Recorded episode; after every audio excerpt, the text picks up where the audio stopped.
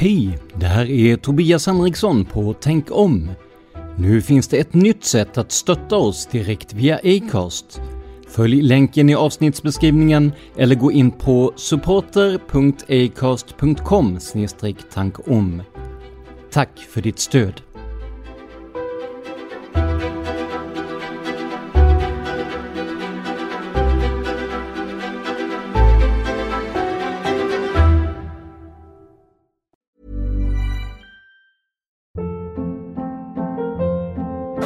Hold up. What was that? Boring. No flavor. That was as bad as those leftovers you ate all week. Kiki Palmer here, and it's time to say hello to something fresh and guilt-free. Hello Fresh. Jazz up dinner with pecan-crusted chicken or garlic butter shrimp scampi. Now that's music to my mouth. Hello Fresh. Let's get this dinner party started. Discover all the delicious possibilities at hellofresh.com. When you're ready to pop the question, the last thing you want to do is second guess the ring. At Bluenile.com, you can design a one of a kind ring with the ease and convenience of shopping online. Choose your diamond and setting. When you find the one, you'll get it delivered right to your door. Go to Bluenile.com and use promo code LISTEN to get $50 off your purchase of $500 or more. That's code LISTEN at Bluenile.com for $50 off your purchase. Bluenile.com code LISTEN. I'm Sandra, and I'm just the professional your small business was looking for. But you didn't hire me because you didn't use LinkedIn jobs. LinkedIn has professionals you can't find anywhere else, including those who aren't actively looking for a new job but might be open to the perfect role, like me. In a given month, over 70% of LinkedIn users don't visit other leading job sites. So if you're not looking on LinkedIn, you'll miss out on great candidates like Sandra. Start hiring professionals like a professional. Post your free job on linkedin.com slash achieve today.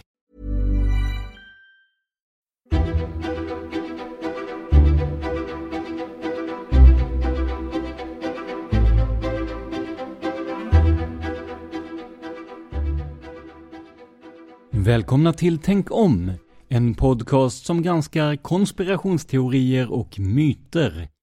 Jag heter Tobias Henriksson. Sedan starten våren 2019 har vi granskat myter om så olika saker som ishockey, mordfall och sjunkna skepp.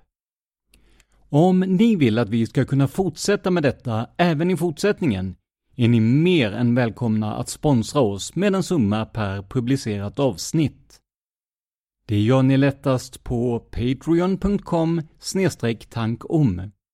Alltså patreon.com e tankom. Från och med hösten 2019 har vi också ett speciellt swishnummer dit du kan swisha en engångssumma om du hellre vill det. Numret dit är 123 356 1701. Och det här numret finns även i avsnittsbeskrivningen till varje avsnitt.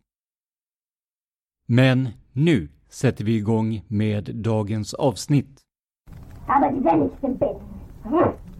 Ja, und in der Kirche werden Herren Pfarrer das ja unmodern halten. Ja, Ja, alle? warum, warum, warum? Ja, warum? Oh, weil... Den här obehagliga rösten tillhör en tysk kvinna vid namn Anneliese Michel. Under en lång tid var hon drabbad av vanföreställningar, epileptiska anfall och olika former av hallucinationer. Hennes starkt troende föräldrar misstänkte att hon var besatt av en demon och man ansökte om att få en exorcism utförd på henne. Något som också godkändes. Annelises fall är en av de verkliga exorcismer som fått stå modell för filmer som The Exorcism of Emily Rose och givetvis klassikern Exorcisten från 1973. Men att göra underhållning av folks eventuella besatthet av andevärlden har visat sig vara problematisk. För ett antal av de produktioner som gjort detta har själva drabbats av problem som sägs vara övernaturliga. Med anledning av det, och att det nyss varit halloween när det här spelas in, ska vi försöka bringa klarhet i ett antal myter om exorcism och framförallt om filmen Exorcisten från 1973. Var inspelningen av filmen verkligen hemsökt? Vilka fakta finns? Vilka alternativa förklaringar kan man skönja? Vad är sant? Och vad är myt? För att kunna sätta oss in i det här ämnet behöver vi en bakgrund. Och vad passar då bättre än att börja med att sammanfatta vad en exorcism egentligen är? Ja, i korthet handlar en exorcism om att med hjälp av en högre kraft driva ut onda andar ur en person som anses besatt. Detta kan göras på olika sätt beroende på religion, men omfattar oftast intensiv bön och olika magiska formler. Och det är ju ingen slump att det gjordes film av den här riten. För det första är det ju väldigt mystiskt och filmiskt. Och för det andra så fanns det två fall som man kunde gå till och researcha. Det fall som starkast förknippas med filmen Exorcisten är andeutdrivningen på Roland Doe, även kallad Robbie Mannheim.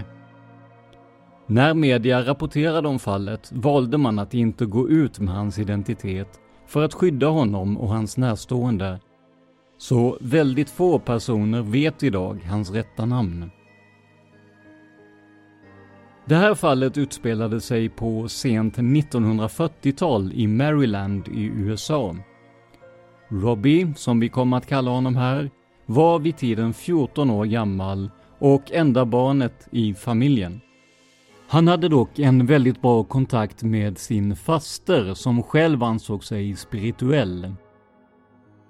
Genom fasterns försorg kom Robbie att börja experimentera med ett så kallat ouija-bräde. Ett bräde med tecken, bokstäver och siffror som används för att kontakta andar. Har ni någon gång spelat Anden i glaset så vet ni vad jag menar. Och ni som har Acast kan se en bild på ett ouija-bräde nu. Efter att fasten dött började märkliga saker att hända i huset där Robbie bodde. Möbler flyttade sig av sig själva, konstiga ljud hördes och hushållssaker som vaser och annat kunde plötsligt börja sväva när Robbie var i närheten. Familjen kontaktade en präst som konstaterade att Robbie var besatt av onda andar och att man borde utföra en exorcism på pojken. Så blev det också.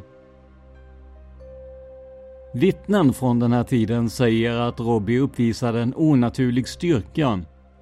Bland annat lyckades han slita loss en fjäder till sängen och hugga prästen i armen, vilket gjorde att utdrivningen fick skjutas upp. Robbie ska också ha pratat med en guttural, onaturlig röst och varit skräckslagen för heliga föremål. Enligt prästen ska också olika ord framträtt på den unge pojkens kropp. Bland annat engelskans hell och evil, alltså helvetet och ondskan. Vid uppläsningen av de heliga litaniorna, som är en slags bön om bättring eller nåd, ska Robbies säng ha skakat okontrollerat och utan synbar förklaring. Enligt de dokument och dokumentärer som behandlar ämnet ska Robbie ha blivit fri från sina demoner efter den här exorcismen. Men var han verkligen besatt? Kanske är det dags att kolla på en av våra myter allaredan.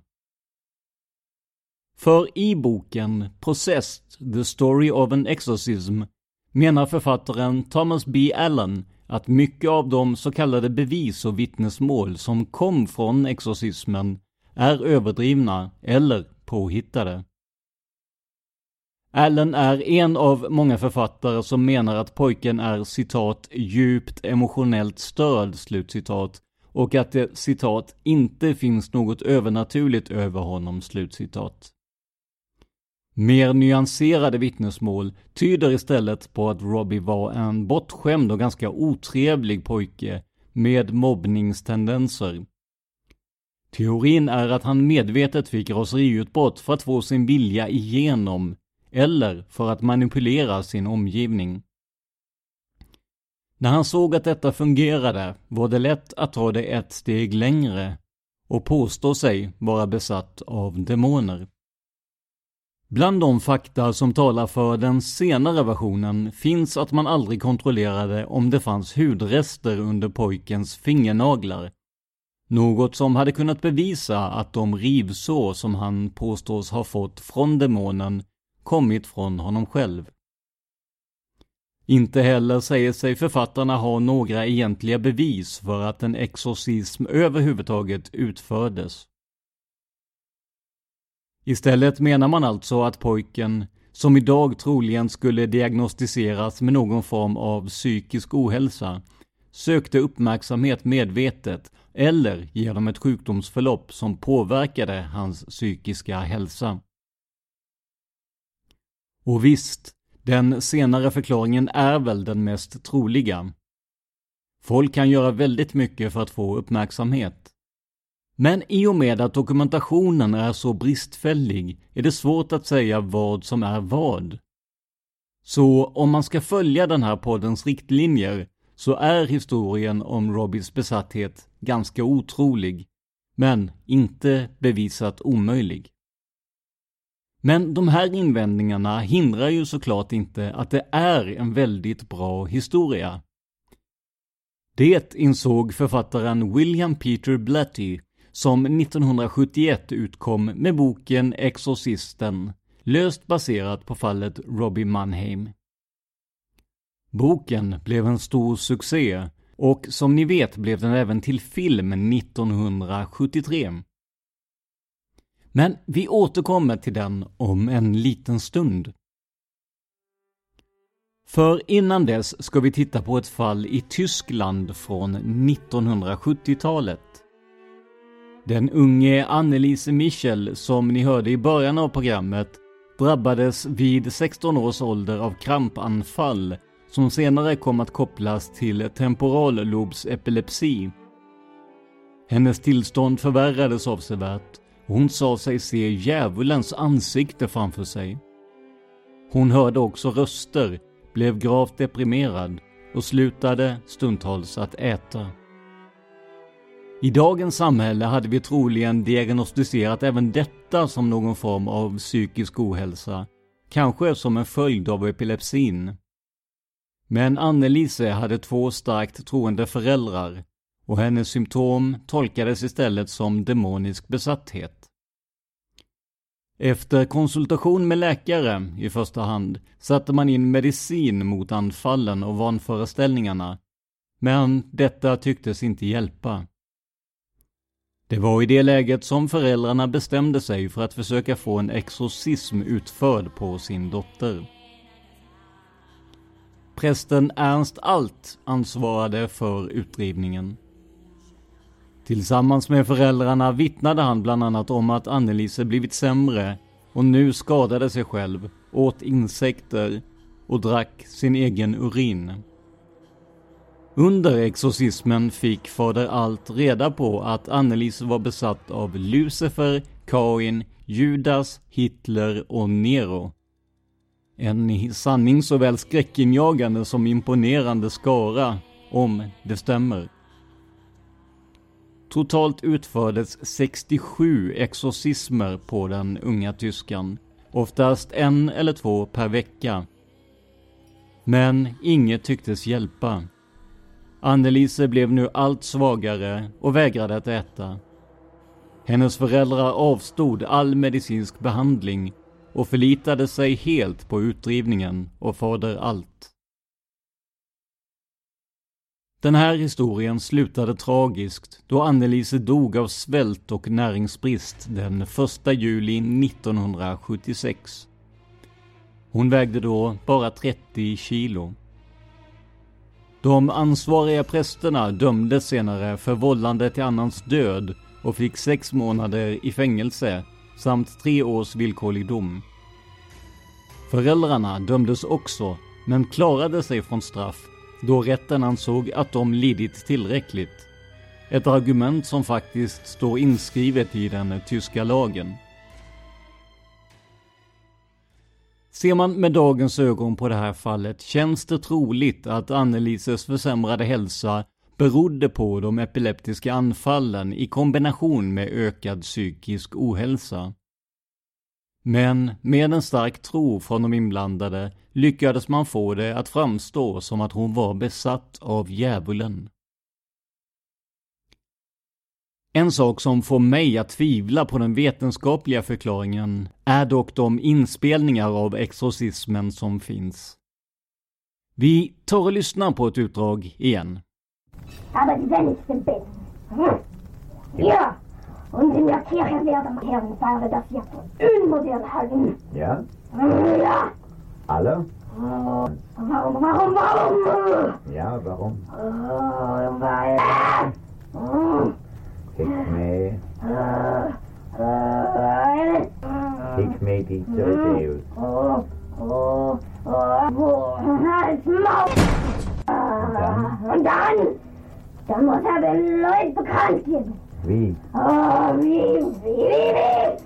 Da muss er schmeißen.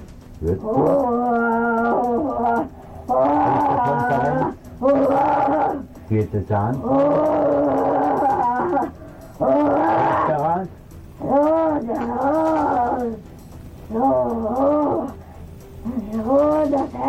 die kapiert?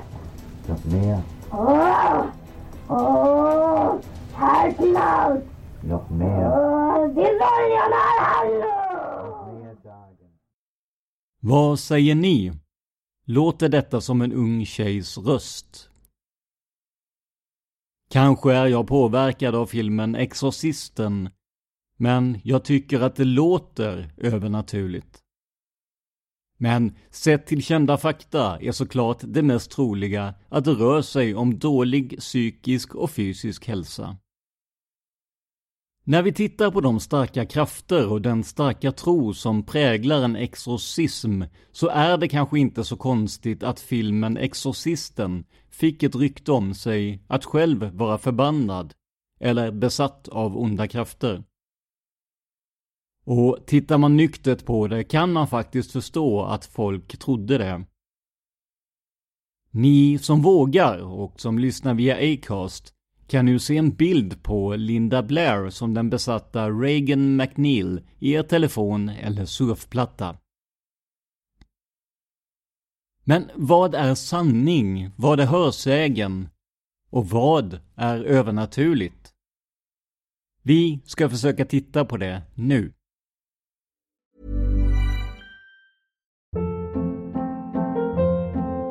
Hold up. What was that? Boring. No flavor. That was as bad as those leftovers you ate all week. Kiki Palmer here, and it's time to say hello to something fresh and guilt-free. Hello Fresh. Jazz up dinner with pecan-crusted chicken or garlic butter shrimp scampi. Now that's music to my mouth. Hello Fresh. Let's get this dinner party started. Discover all the delicious possibilities at hellofresh.com. Hey, it's Ryan Reynolds, and I'm here with Keith, co star of my upcoming film, If, only in theaters, May 17th. Do you want to tell people the big news? All right, I'll do it. Sign up now and you'll get unlimited for $15 a month in six months of Paramount Plus Essential Plan on us. Mintmobile.com slash switch. Upfront payment of $45 equivalent to $15 per month. Unlimited over 40 gigabytes per month. Face lower speeds. Videos at 480p. Active Mint customers by 531.24 get six months of Paramount Plus Essential Plan. Auto renews after six months. Offer ends May 31st, 2024. Separate Paramount Plus registration required. Terms and conditions apply if rated PG. I'm Sandra, and I'm just the professional your small business was looking for. But you didn't hire me because you didn't use LinkedIn jobs. LinkedIn has professionals you can't find anywhere else, including those who aren't actively looking for a new job but might be open to the perfect role, like me. In a given month, over 70% of LinkedIn users don't visit other leading job sites. So if you're not looking on LinkedIn, you'll miss out on great candidates like Sandra. Start hiring professionals like a professional. Post your free job on linkedin.com/achieve today. Den första incidenten som kan tyda på att något inte stod rätt till på filminspelningen inträffade en söndagsmorgon runt 02.30. En våldsam brand bröt ut i det uppbyggda hus som skulle föreställa familjen McNeils, alltså den drabbade familjens hus. Det fanns bara en säkerhetsvakt på plats vid tillfället, vilket försvårade arbetet med att direkt upptäcka eller till och med släcka branden. Det mystiska i det här var att ett rum sägs ha klarat sig från branden. Nämligen det sovrum där själva exorcismen skulle ha spelats in. Hela huset fick alltså byggas upp igen och den här händelsen sköt upp arbetet med filmen med cirka fem veckor. Man kunde till slut konstatera att branden uppstått på grund av ett elfel. Men det var inte alla som trodde på en sån relativt enkel lösning. Ironiskt nog var nästa händelse även den kopplad till brand. För efter uppbyggnaden kunde man konstatera att sprinklersystemet som skulle skydda mot eventuella framtida bränder inte fungerade som det skulle. Detta gjorde att inspelningarna drog ut på tiden ytterligare två veckor. Att saker och ting brinner eller går sönder är sådant som såklart kan hända på en filminspelning. Men riktigt obehagligt blev det för de inblandade när personer i eller omkring ensemblen började dö. Först drabbades vår svenska skådespelare Max von Sydow, vars bror hastigt och oväntat avled strax efter att Max landat i USA för inspelningarna. Skådespelaren Jack McGowan drabbades också, men på ett mer personligt sätt. Bara 54 år gammal avled han av sviterna efter en kraftig influensa. Detta var strax efter att inspelningarna av Exorcisten avslutats. Med tanke på hur otursförföljd inspelningen ansågs vara drog man genast paralleller till tidigare olyckor och menade att hans död berodde på att man just spelat in en film om det okulta. Tilläggas bör att hans död inträffade ungefär en vecka efter att hans rollfigur dödats av demonen i filmen. Även Vasiliki Maliaros, som hade en biroll i filmen, dog strax efter inspelningen. Men det slutar inte där. Jason Miller, som spelade Fader Karras, chockades svårt efter att hans son blivit påkörd av en motorcykel på en i övrigt tom strand. Pojken överlevde, men det var på håret. Under inspelningarna inträffade också ett stort antal olyckor, något som såklart inte är ovanligt i en stor produktion. Men med tanke på det rykte som inspelningarna fått var man snabb med att kreditera detta till filmen och dess okulta tema. Bland annat lyckades en snickare skära av sig ena tummen medan en ljustekniker förlorade en tå under inspelningarna. Även några av huvudpersonerna drabbades. Ellen Burstyn, som spelade mamman i filmen, skadade sin rygg allvarligt när en säkerhetssele fungerade lite väl bra och drog henne tillbaka i en rasande hastighet efter att ha blivit slagen av sin i filmen besatta dotter. Hon landade hårt på ryggen och hennes skada gjorde att inspelningen fick skjutas upp ytterligare. Det ironiska med det här är att regissören William Friedkin inte kände någon större sympati för sin stjärna. Istället använde han scenen med hennes skrik av smärta i själva filmen. Så när ni ser Chris McNeil våldsamt slå i golvet i filmen och skrika ut sin smärta, så var det faktiskt det som hände även i verkligheten. Problem uppstod även när scener skulle spelas in i Irak. På grund av tidigare incidenter hade man fått senare lägga den här inspelningen och man kom dit mitt i sommaren när det kunde bli över 50 grader varmt där. Nio av de 18 personer som följde med teamet fick avbryta sina åtaganden, främst på grund av värmeslag och dysenteri. Som att inte det räckte så lyckades även en demon rymma. Ja, det är inte så märkligt som det låter.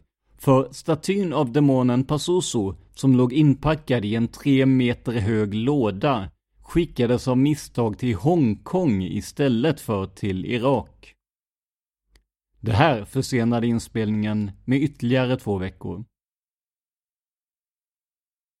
När man rabblar upp allt det här känns det givet att något inte stod rätt till med inspelningarna. Men vad sa de som var direkt inblandade om tragedierna, förseningarna och dödsfallen? Ellen Burstyn, som alltså spelade Chris McNeil, berättade så här om den påstått hemsökta inspelningen i en senare intervju. Citat. Jag kan inte svara på om det var en förbannelse, men det hände verkligen en massa konstiga saker under produktionen av filmen. Vi jobbade med ett riktigt tungt material och du kan inte tramsa bort sådant material utan att visa sig på ett eller annat sätt. Det var många som dog under inspelningarna. Linda Blairs farfar dog. Kommentar Linda Blair spelade den besatta flickan Reagan i filmen slutkommentar. Den assisterande kameramannens fru fick ett barn som dog. Killen som ansvarade för kylanläggningen under filmen dog. Vaktmästaren som tog hand om byggnaden sköts till döds. Jag tror att det allt som allt skedde nio dödsfall under inspelningen, vilket är en skyhög siffra. Det var läskigt. Slut citat. Till slut blev olyckorna och dödsfallen för mycket för regissören William Fridlin och han bad två präster komma till inspelningen och utföra en verklig exorcism av platsen. Även om de inte fick tillstånd till detta kom de dit och bad om lugn och förståelse på inspelningsplatsen. Vid den här ceremonin deltog samtliga medverkande i filmen.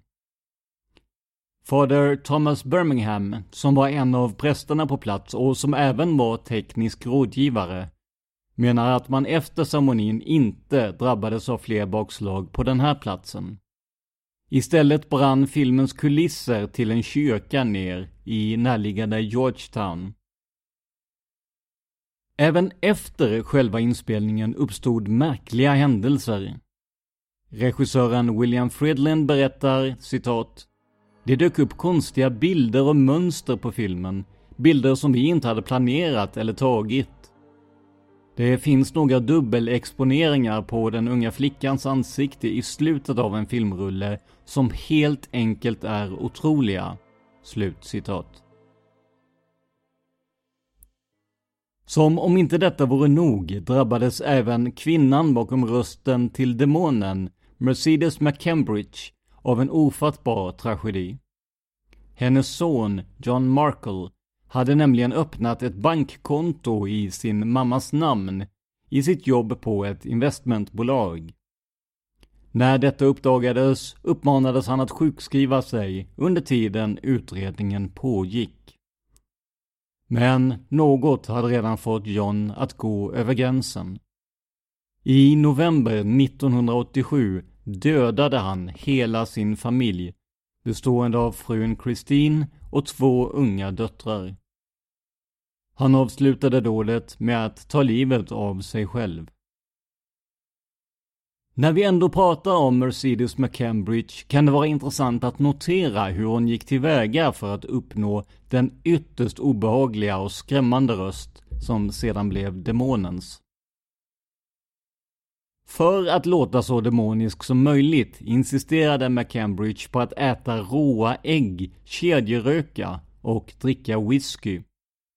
Allt för att hennes röst skulle bli rå och skrämmande. Regissören, William Friedkin, ordnade också så att hon kunde bindas fast vid en stol under inspelningarna för att demonen skulle tyckas kämpa mot prästerna. Idag pratar man ju om method acting och det här måste ju vara ett typexempel på det.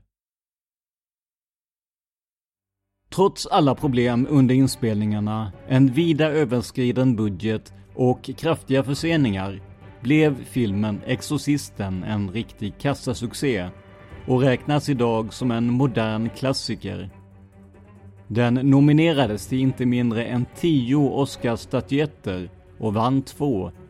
Dels en för bästa manus baserat på en förlaga, dels en för bästa ljudmix. Linda Blair förlorade praktiskt taget chansen att vinna en Oscar när det kom fram att det inte var hon som gjorde rösten till demonen som tagit över hennes rollfigur. Det ansågs inte helt okej okay att ge henne statyetten när en del av hennes läskighet faktiskt kom från en annan källa. Men om man tittar på allt som hände under inspelningarna av filmen, vad kan man då konstatera? Själv är jag inte mycket för en övernaturlig förklaring, utan tror att det mesta som händer i världen har en enklare orsak än så. Men samtidigt, det är så vansinnigt mycket som hänt produktionen på en relativt kort tid att man faktiskt börjar undra. Alla dödsfall, alla övriga olyckor, bränder och annat. Kan det bara vara en slump? Om det är en slump måste det här vara en av världens mest otursförföljda inspelningar. Men kanske påverkades de inblandade av temat på filmen och hade lättare att ta till sig teorier om övernaturlig inverkan eller demonisk besatthet. Blev det rent av en masshysteri som påverkade såväl skådespelare som det övriga teamet? Det kommer vi troligen aldrig att få reda på. Men som vi hörde är en av huvudrollsinnehavarna inte främmande för att mörka makter påverkat inspelningen. Och vem vet egentligen vad som finns bortom det vi ser? Så slutsatsen från min sida är att en demonisk påverkan av filmen Exorcisten inte är speciellt trolig men att vi inte har några bevis på att det garanterat inte var så. Under tiden fortsätter filmen att fascinera och skrämma oss. Trots ett stort antal uppföljare anses idag den första filmen vara den som är absolut bäst. Och för vissa i både publik och ensemblen så finns det en misstanke om att den blev så bra och hypad för att inte bara vara mänskliga krafter bakom. Vi börjar närma oss slutet av det här avsnittet och som vanligt så undrar jag vad ni tycker om programmet. Har ni sett filmen Exorcisten? Vad tyckte ni om den? Vilka scener var mest skrämmande? Och självklart, tror ni att filmens inspelning påverkades av demonisk besatthet eller andra övernaturliga fenomen. Skriv av er på facebook.com tankom.se eller sök på Tänk om i Facebook-appen. Till sist, glöm inte att du kan sponsra oss och se till att vi kommer ut oftare. Gå in på patreon.com tankom eller swisha ditt bidrag till 123 356 1701. Numret och adressen finns också i avsnittsbeskrivningen. Det här var veckans avsnitt av Tänk om som görs av mig, Tobias Henriksson på PRS Media. Vill du veta mer om mig och mitt företag? Gå in på facebook.com prsmedia.se eller följ oss på Instagram under företagsnamnet PRS Media. Ett ord, små bokstäver. Musiken i vårt intro och outro heter Life Decisions och görs av Remember the Future. Bakgrundsmusik och miljöljud levereras av Epidemic Sound. Som vanligt vill jag tacka Acast som distribuerar den här podden. Men framförallt, stort tack för att du lyssnar på Tänk om.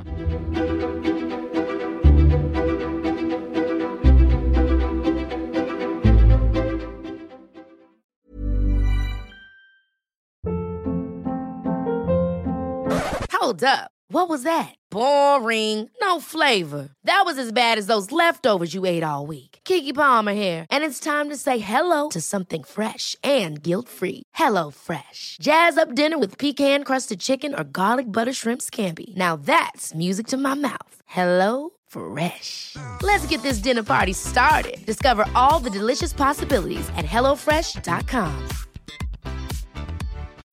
When you need mealtime inspiration, it's worth shopping Kroger, where you'll find over 30,000 mouthwatering choices that excite your inner foodie. And no matter what tasty choice you make, you'll enjoy our everyday low prices, plus extra ways to save, like digital coupons worth over $600 each week. You can also save up to $1 off per gallon at the pump with fuel points. More savings and more inspiring flavors make shopping Kroger worth it every time. Kroger, fresh for everyone. Fuel restrictions apply.